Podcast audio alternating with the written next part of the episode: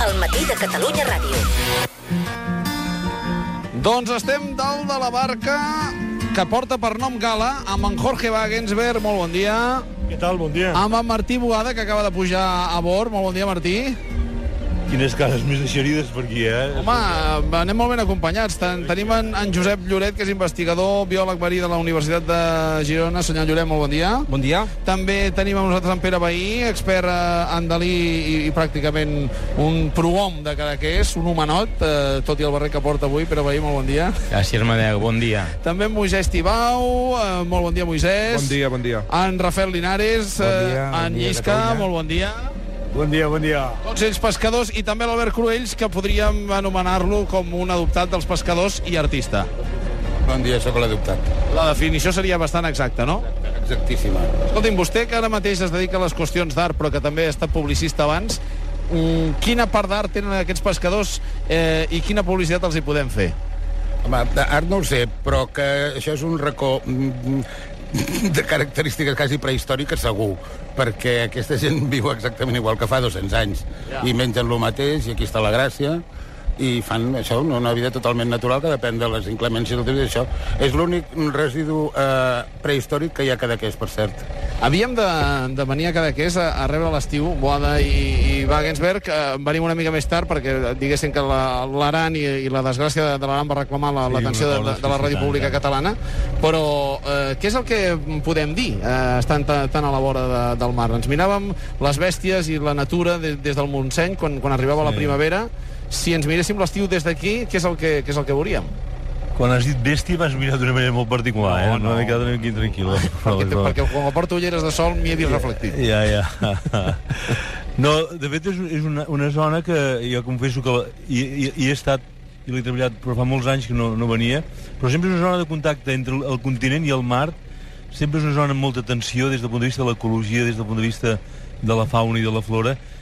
El, la, el tema de continental, la part, diguem-ne, terrestre, no marina, és enormement interessant. La part marina tenim prou experts per aquí, no? Però és una zona, de, de, com dic, que, que es troben dos mons, el món, el món aquàtic i el món terrestre, no? Llavors, aquí, Cap de Creus, pròpiament, com, com sabeu, doncs, ja n'heu parlat, és, és un parc natural que té com a, com a singularitat que és de domini marítim terrestre, té unes, unes 13.000 hectàrees, les quals 3.000 són marines i, deu- i, i 10.000 són, són continentals. I llavors, per aquesta part més continental, que té un aspecte mediterrani sec, que això no ens excita a nosaltres, ens agrada sempre la cosa nòrdica, complexa de sud, la neu, els paisatges vivaldians, alpins, amb vaques, amb neu, i aquest és el paisatge mediterrani per excel·lència, que té una bellesa.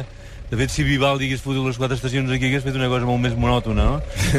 Llavors, té endemismes, té plantes que només en tot el món, alguna només es troben aquí, té una fauna terrestre també enormement interessant, eh, i després la fauna terrestre lligada en el món marí, que són les aus marines, no? Mm. Wagensberg, estem en una zona de Bueno, frontera. jo encara diria més. Jo diria que és, estem on es banyen els Pirineus, on els Pirineus s'enfonsen en el mar, no? I la veritat és que quan hem arribat aquí de matí jo he decidit quedar-me. Sí? Sí, home, aquesta temperatura... Ja em diuen que no, els, els que estan gelosos de la zona. El Pere diu que Però no. aquesta temperatura, que m'agradaria saber quina és per apuntar-la la i fixar-la, i fa una brisa... Bueno, jo signaria aquestes condicions d'humitat i temperatura pel reste de la meva vida. Ahà. No podem...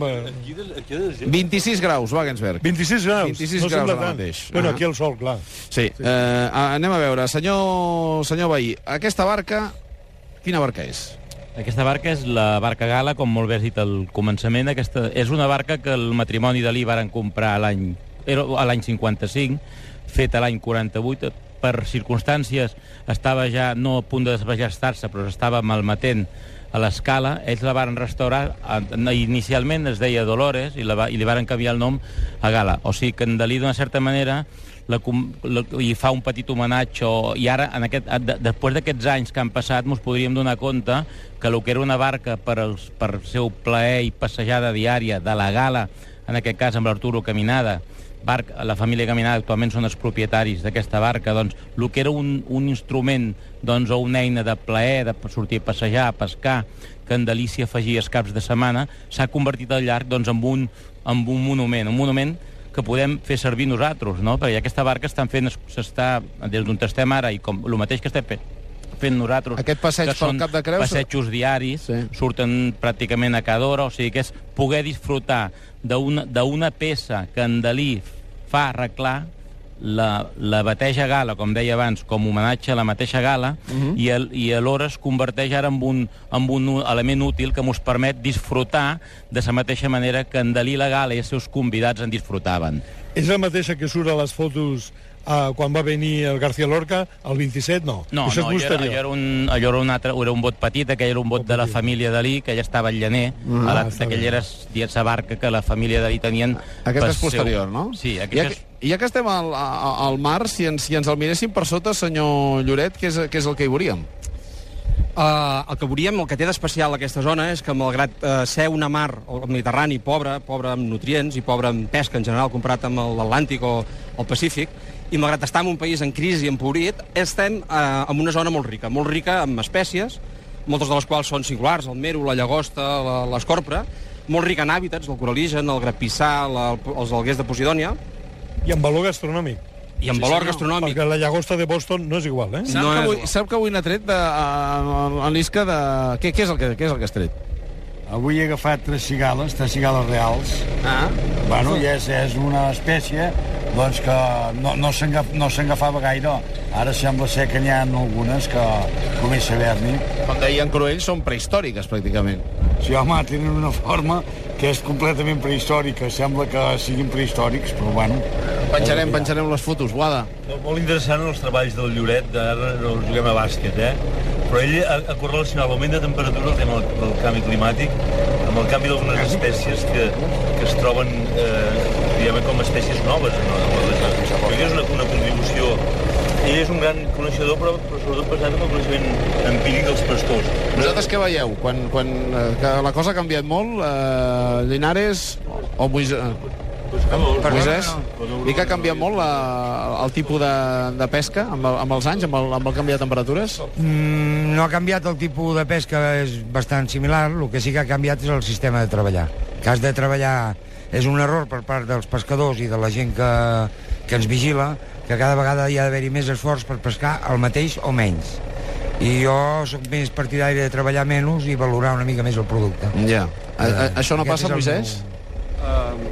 El tema està en què la pesca artesanal que durant un temps des de la comunitat europea es va denigrar, o sigui, es va decidir eliminar una gran part de la flota artesanal en benefici i amb subvencions multimilionàries per la construcció de nova flota, el que en van dir renovació de la flota, amb fons europeus que, que han costat milions, no sé les quantitats exactes, però una, una barbaritat, ara se n'estan donant compte que aquesta pesca arte- eh, industrial perdó, és molt agressiva amb el, amb el medi i en una zona tan sensible com és aquesta el que s'ha de precocinar és la pesca artesanal i vendre el producte local eh, de proximitat. Home, senyor Lloret, segurament estem en un paratge on encara, encara, ja que és per natural, encara podem protegir-lo, però no sé si a tot arreu.